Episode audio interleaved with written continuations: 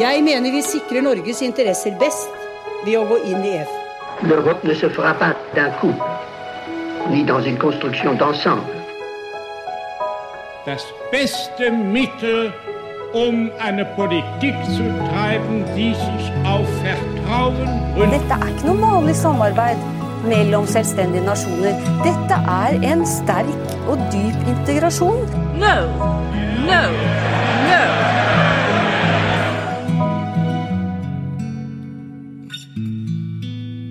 Velkommen til den sjuende episoden av Det europeiske kvarter, en podkast om europeisk politikk og historie av Lise Rye og meg, Kristine Graneng, ved Europastudier på NTNU.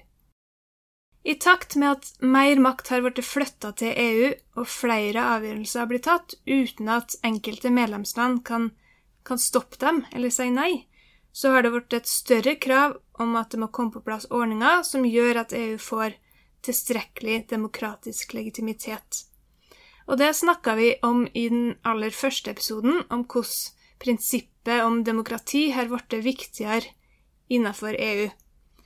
Og svaret på dette spørsmålet om hvordan man kan sikre eh, den demokratiske legitimiteten til EU, det har i stor grad vært Europaparlamentet.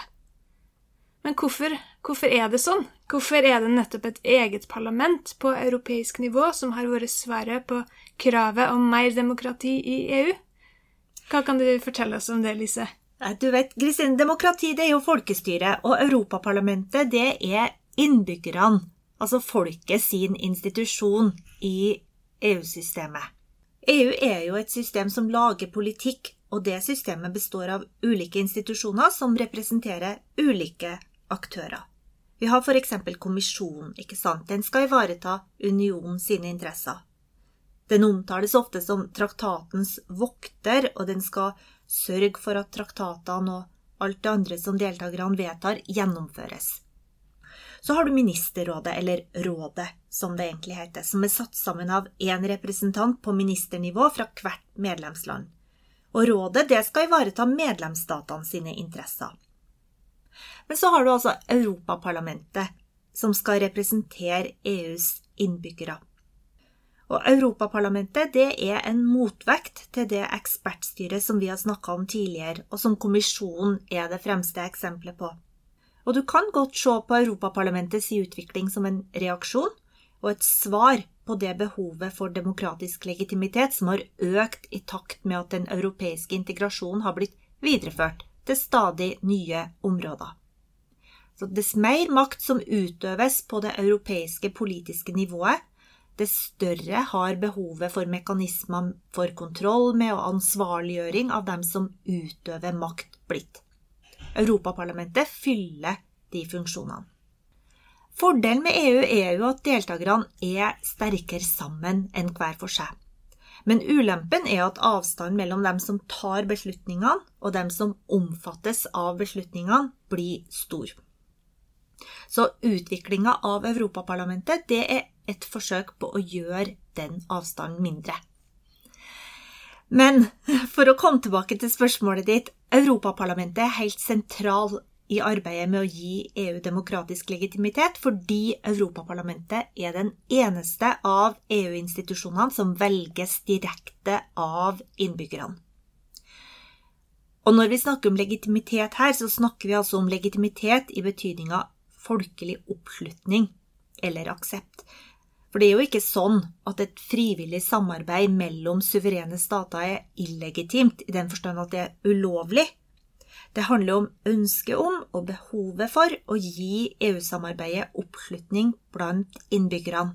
Og da spiller Europaparlamentet med sin direkte forbindelse til velgerne hovedrollen. Og den direkte forbindelsen den har jo bare blitt mer og mer tydelig og mer og mer viktig gjennom EU sin historie. Det var jo et ganske annet organ, det som ble eh, utforma i starten av eh, det europeiske kull- og stålfellesskapet, med det her, den her parlamentarikerforsamlinga. Og det er jo veldig interessant å se hvordan det her har utvikla seg. For det har jo tatt lang tid før Europaparlamentet har blitt det organet det har blitt det i dag. Og i større og større grad så kan man jo sammenligne Europaparlamentet med nasjonale parlamenter. Og det er veldig tydelig hvis man ser på forskninga på Europaparlamentet, for da, da, ser man på det man bruker å se på når man forsker på, mm. på nasjonale parlamenter. Men det er jo også en del eh, trekk, eh, karakteristikker, som er ganske særegen for Europaparlamentet. For det første så kan man jo se på størrelsen. I Europaparlamentet i dag så sitter 705 eh, medlemmer, og traktatene åpner for enda flere, men så har man kutta ned litt i forbindelse med brexit eh, for, å, for, å, få det mer håndterbart. Ja, man kan ha 751, men nå er man ned på 705 fordi de britiske representantene er ute, ikke sant? Mm. Mm. Og de her skal jo representere 27 medlemsland. Og da er det jo ikke gitt hvordan de her setene skal fordeles på medlemslandene. Og det er jo et spørsmål som har vært ja, mye diskutert opp igjennom. Og den løsninga man har kommet frem til, det er en løsning der det ikke er en sånn én-til-én-fordeling basert på eh, f.eks. folketall, men der man har gitt flere seter til de mindre landene på bekostning av de større landene, for å sikre tilstrekkelig representasjon.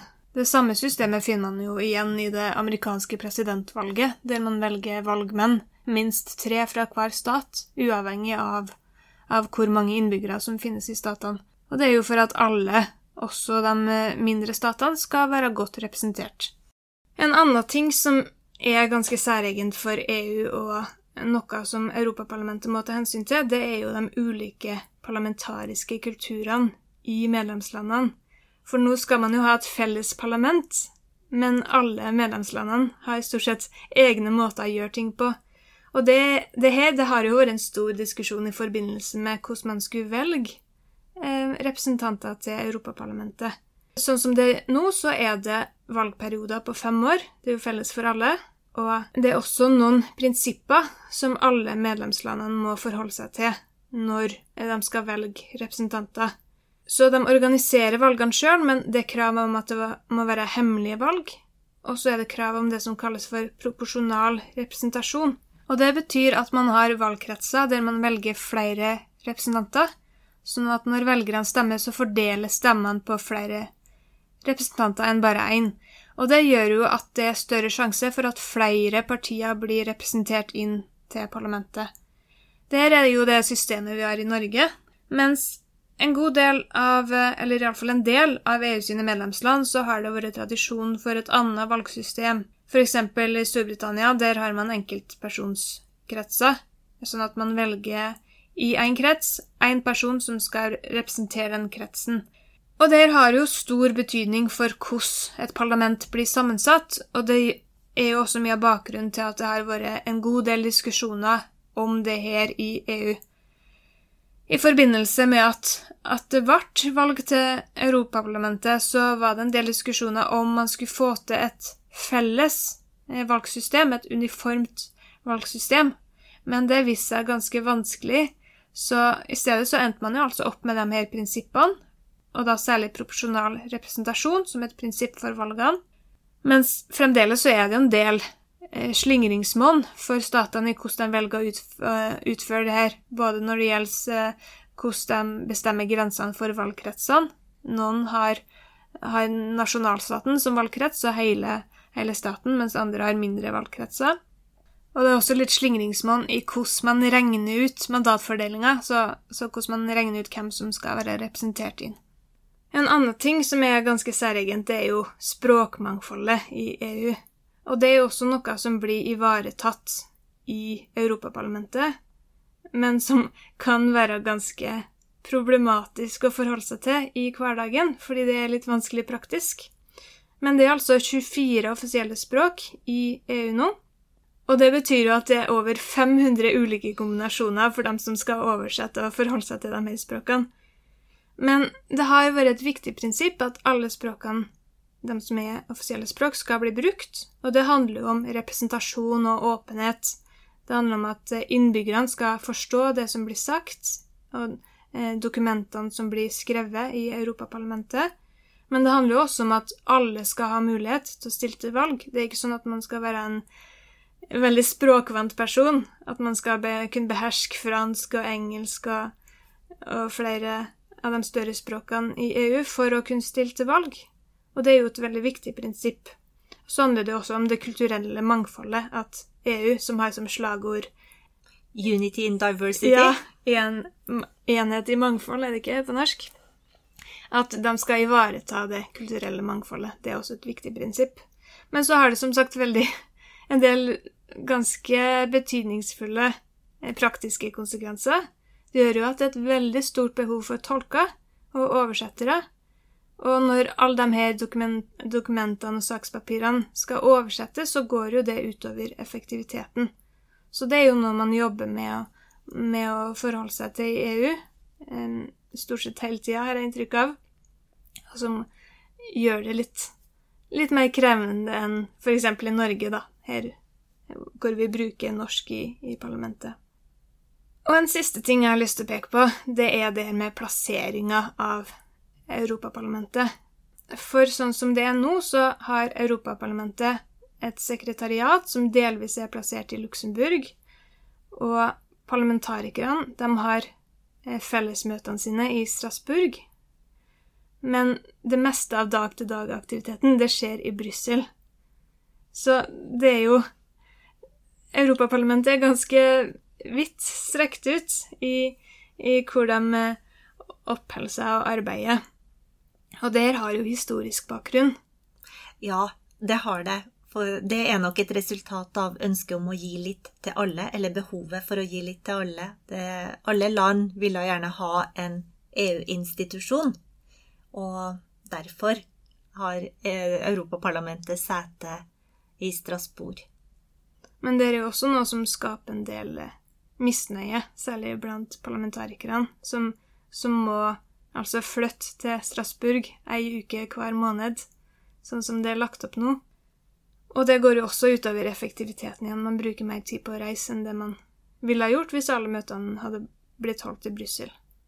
Så alle de her punktene viser jo hvordan EU har ulike hensyn å ta, som ikke like utprega i de fleste nasjonale parlament. Det handler om representasjon og også en del symbolverdier opp mot effektiviteten. Og måten parlamentet er utforma på, er jo også veldig i stor grad prega av den unike konteksten som det har vokst frem av, fra noe som i utgangspunktet ligna mer på et internasjonalt samarbeid, og som i dag i større grad er, ligner på en nasjonal eh, folkeforsamling.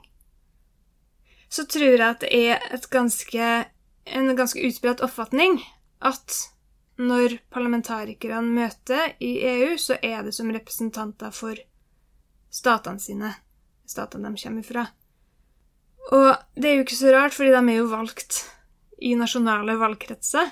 Det er jo medlemsstatene som, som organiserer valgene. Men når man ser på hvordan parlamentarikerne sitter i Europaparlamentet, så er jo ikke det som nasjonale representanter først og fremst, men som representanter for en politisk orientering. For de sitter i partigrupper i Eller politiske grupper i Europaparlamentet. Mm. Det gjør de. Sånn har det egentlig alltid vært. Sånn har det vært siden 1953, faktisk. At uh, du har hatt en sånn transnasjonal organisering innad i uh, parlamentet. I dag har du sju politiske grupperinger. Uh, og vi må vel kunne si at det er et relativt stort spenn innad i noen av de gruppene, da. Men dette her er jo, som du sier, det er et uttrykk for at de sitter ikke i som representanter for sitt land, men som representanter for en politisk ideologi eller et politisk, eh, politisk standpunkt. Mm. Og det er jo mye som tilsier at dette systemet ikke skal fungere så godt, egentlig. Nettopp fordi de er valgt mm, i, i medlemsstatene, og også av språkbarrierene, mer praktiske ting. Likevel, på tross av at det er representanter fra nasjonale partier som, som møter i i Europaparlamentet, så viser forskning at de her representantene stemmer i stor grad overens med den posisjonen som den politiske grupperinga har kommet fram til. Så de spiller en, en viktig rolle i politikkutforminga, de her politiske grupperingene. Nå har vi jo snakka en del om hvordan Europaparlamentet fungerer, og hvordan arbeidet foregår eh, opp mot de nasjonale parlamentene, eller til sammenligning med de nasjonale parlamentene. Men også når vi ser på hvilke oppgaver de gjør, så har, det, har Europaparlamentet blitt mer og mer likt nasjonale parlament. Mm. I dag så har Europaparlamentet de oppgavene som vi forbinder med et eh, nasjonalt parlament. Det fører kontroll med den utøvende makta, det er med på å vedta EUs budsjett, og det har, sammen med rådet, lovgivende makt. Og jeg syns jo denne utviklinga av Europaparlamentet er utrolig interessant. For hva er det som gjør at ei forsamling som i utgangspunktet sto nesten uten myndighet, ender opp med å få så mye makt? Så det er fint, og det er riktig, men det interessante spørsmålet er jo hva det er som forklarer denne utviklinga. Og så er det ikke ett enkelt svar på det spørsmålet. Her har du på den ene sida en institusjon som ønsker makt, som jobber systematisk for å få makt, og som lykkes. Altså Det Europaparlamentet gjør, er at man gjør maksimalt ut av de små halmstråene som traktatene gir, og så bruker man dem til å utvide og utvikle parlamentets makt. Men vi kan ikke forklare utviklinga av Europaparlamentet ved å se på Europaparlamentet alene. For styrkinga av Europaparlamentet den henger også veldig tett sammen med at andre EU-institusjoner har fått mer makt. Den er altså en konsekvens av at medlemsstatene har bestemt seg for å utvide samarbeidet til stadig nye områder. Så det er en utvikling som er svar på et behov, men også på et ønske om at EU-samarbeidet skal fungere i pakt med demokratiske prinsipper. Vi var jo inn på det. EU har alltid, helt siden det var et kull- og stålfellesskap, hatt en parlamentarikerforsamling. Og hensikten har alltid vært at den skulle være et bindeledd mellom innbyggerne og den europeiske integrasjonen. Og det var ganske vanlig på den tida da den europeiske integrasjonen starta, at internasjonale samarbeid hadde en parlamentarikerforsamling men det som skilte eh, forløperen til Europaparlamentet fra de andre, var at den hadde en kontrollfunksjon. Den skulle føre tilsyn med overmyndigheten. Etter hvert, og for å være veldig presis, med Romatraktaten fra 1957, så får òg Europaparlamentet en rolle i lovgivningsprosessen. De får en liten fot innafor kan du si, i lovgivningsprosessen. Eh, I form av at de får en rett til å bli hørt. De får en konsultativ funksjon. Rådgivende funksjon. Eh, og denne rådgivende funksjonen den bruker de for alt den er verdt, til å utvide rollen sin. Hvis vi beveger oss enda litt lenger fram i tid, på 1970-tallet, så ser vi at Europaparlamentet får budsjettmyndighet det begynner veldig i det små, men den utvikles gradvis. Og det er et eksempel på hvordan en beslutning om å utvide samarbeidet, i dette tilfellet til ja, utvikle landbrukspolitikken da, og utstyre EF med egne ressurser, skapt et behov for eh, å gi Europaparlamentet budsjettmyndighet. Og så får vi fra midten av 1980-tallet av fra 1986 av en utvikling i Europaparlamentet sin rolle i lovgivningsprosessen. Og dette skjer jo samtidig med at fellesskapet utvider samarbeidet til en rekke nye politikkområder. Eh, du får noe som kalles samtykkeprosedyren, eh, men poenget her er egentlig bare at Europaparlamentet sin rolle i lovgivningsprosessen blir større, og så får du den medbestemmelser mellom Europaparlamentet og rådet som utvikles gradvis fra og med traktaten om en europeisk union i 1992. Så etter hvert så får man jo noe som ligner mer på et slags tokammersystem. Så man har både Europaparlamentet og rådet som sammen vedtar reglene og lovene i EU.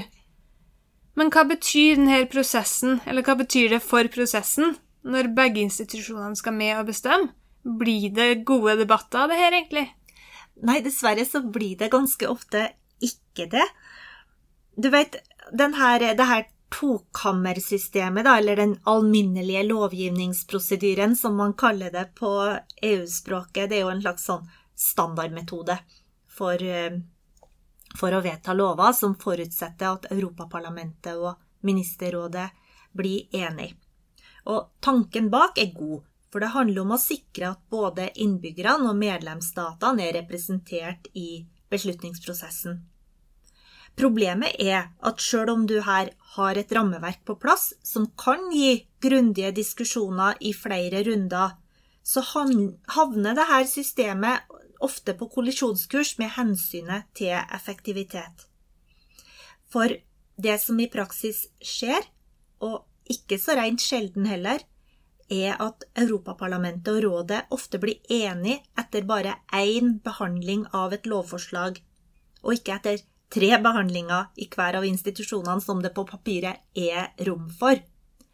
Og konsekvensen av dette er at det blir mindre tid og rom for å involvere innbyggerne, Media får mindre tid til å rapportere, innbyggerne får mindre tid til å sette seg inn i forslag og til å debattere, og det er en svakhet. De her førstebehandlingsavtalene, som de kalles, de er ofte kobla til bruken av det som kalles triloger, og som er uformelle møter mellom Ministerrådet, Europaparlamentet og Europakommisjonen. Og Målet med trilogene det er jo å undersøke om det er nok felles grunn til at lovgivningsprosessen kan avsluttes allerede under førstebehandlinga. Og jeg har sett tall som viser at ca. tre fjerdedeler av lovgivninga som har blitt vedtatt ved hjelp av denne alminnelige lovgivningsprosedyren de siste årene, har blitt vedtatt i forbindelse med førstebehandlinga. Dette gjør at man kan handle raskt, det gjør at man sparer tid, man sparer ressurser, men prisen er at det blir mindre tid til å informere og debattere. Jeg tror også at dette er en utvikling som skjøt fart med finanskrisa, eller med behovet for å håndtere finanskrisa, da behovet for å vise handlekraft fort eh, meldte seg. Men fra et demokratiperspektiv så er jo dette ei uheldig utvikling for EU, og i enda større grad for Norge, fordi det er en utvikling som gir mindre rom til de delene av en lovgivningsprosess hvor vi kan medvirke. Og det handler ikke bare om tida det skjer på, ikke sant? men det handler også om hvor forhandlingene skjer, eller hvor, hvor diskusjonene skjer. Så man ja. flytter det fra den store, åpne forsamlinga i Europaparlamentet til de mer mindre forsamlingene, der det er en eller mindre forhandlingene. Ja, ikke sant. Det er bare et utvalg av representantene som møter også. Det er jo også et mm. problem. Mm. En annen ting som også skiller Europaparlamentet fra de fleste nasjonale folkeforsamlinger, det er jo det at det ikke utgår noe regjeringsmakt direkte fra Europaparlamentet. For sånn som det er lagt opp, så, så må kommisjonen, som er det som organet som tilsvarer regjeringa på nasjonalt nivå, eh, så må kommisjonen ha tillit fra Europaparlamentet for å sitte. Men det er ikke sånn at Europaparlamentet peker ut hvem som skal sitte i kommisjonen. Det er det medlemslandene som gjør, som velger eh, kommisjonspresidenten og kommissærene. Mm, det stemmer. Europaparlamentet har alltid hatt anledning til å avsette kommisjonen, og den Europaparlamentet har også fått større innflytelse over utnevninga, eller at de godkjenner kommisjonen, men det er ikke parlamentet som utnevner dem. Det her det er jo nok en gang et eksempel på en debatt som går i EU, eh, om hvilken rolle Europaparlamentet skal ha. I Lisboa-traktaten, som tredde kraft for omtrent ti år siden, så ble det åpna for en prosess eh, som gjerne blir kalt for spitsenkandidatprosessen, som handler om at de politiske gruppene i Europaparlamentet kunne peke ut hver sin kandidat til vervet som kommisjonspresident. Og så var tanken det at eh, den kandidaten som har sikra breiest grunnlag i Europaparlamentet, eh, får vervet som kommisjonspresident. Og det her syns jeg er veldig fascinerende, for under valget i 2019 til Europaparlamentet så var det lagt opp til en sånn prosess, så de politiske gruppene hadde egne kandidater til, til vervet som kommisjonspresident. Men når det kom til stykket etter valget, så var det igjen medlemslandene som pekte ut kandidaten, eh, den som ble kommisjonspresident, nemlig Usla von der Leyen. Ja. Nei, det kan se ut som om denne spitsenkandidatprosessen er, om ikke død, så i hvert fall litt nedfortelling, da. Mm. Kan kanskje komme tilbake i en bedre, bedre utgave. For å trekke oss litt tilbake til det spørsmålet vi starta med, da. Så hvorfor Europaparlamentet er svaret på kravet om demokratisk legitimitet i EU, så har vi jo visst hvordan Europaparlamentet sin rolle har blitt styrka på mange forskjellige måter, og hvordan det er positivt, men også noen negative trekk ved måten det fungerer på. Men det som kanskje er det aller største ankepunktet, eller den største kritikken mot Europaparlamentet, som gjerne blir brukt, det er jo oppslutninga om parlamentsvalg, om valgene til Europaparlamentet. Og første valget det ble jo holdt i 1979, og da var det 61,99% som deltok. Og det er jo ganske greit i en europeisk målstokk. Men så ser man jo at utover 90-tallet, på slutten av 90-tallet, så synker valgdeltagelsen til under 50% Og det her er ikke bare et resultat av at det, av at det kommer flere medlemsland til, men man ser det jo også i de eldre medlemslandene at færre velger å stemme i, i valgene til Europaparlamentet. Og det, er jo, det er jo litt rart, da, med tanke på at EU har blitt mer politisert. Både det har blitt mer omstridt og fått mer oppmerksomhet i den samme perioden som valgdeltakelsen har, har gått ned. Hva tenker du er årsaken til det, Lise? Nei, Det syns jeg er et kjempevanskelig spørsmål. Det enkle svaret er jo at uh, for innbyggerne så er det nasjonalstaten som er viktigst. Man bryr seg ikke like mye om europeisk integrasjon som man bryr seg om det, det som foregår i sitt eget land. Uh, det må vi vel bare kunne si. Og du har helt rett. Oppslutninga om valget til Europaparlamentet, den gikk ned i hvert valg fra 1979 og frem til 2019, mm. da, det, da, det, så vidt bikka oppover igjen. Og det er rart, fordi at EU har blitt viktigere. Eh, altså, EU regulerer i dag veldig mye mer av det som eh, Det som opptar folk? Det som berører ja, folk i hverdagen? Ja, jeg vet ikke. Det berører jo antagelig ikke folk i hverdagen, da. For hvis mm. det hadde gjort det, så hadde man jo stemt. Ja.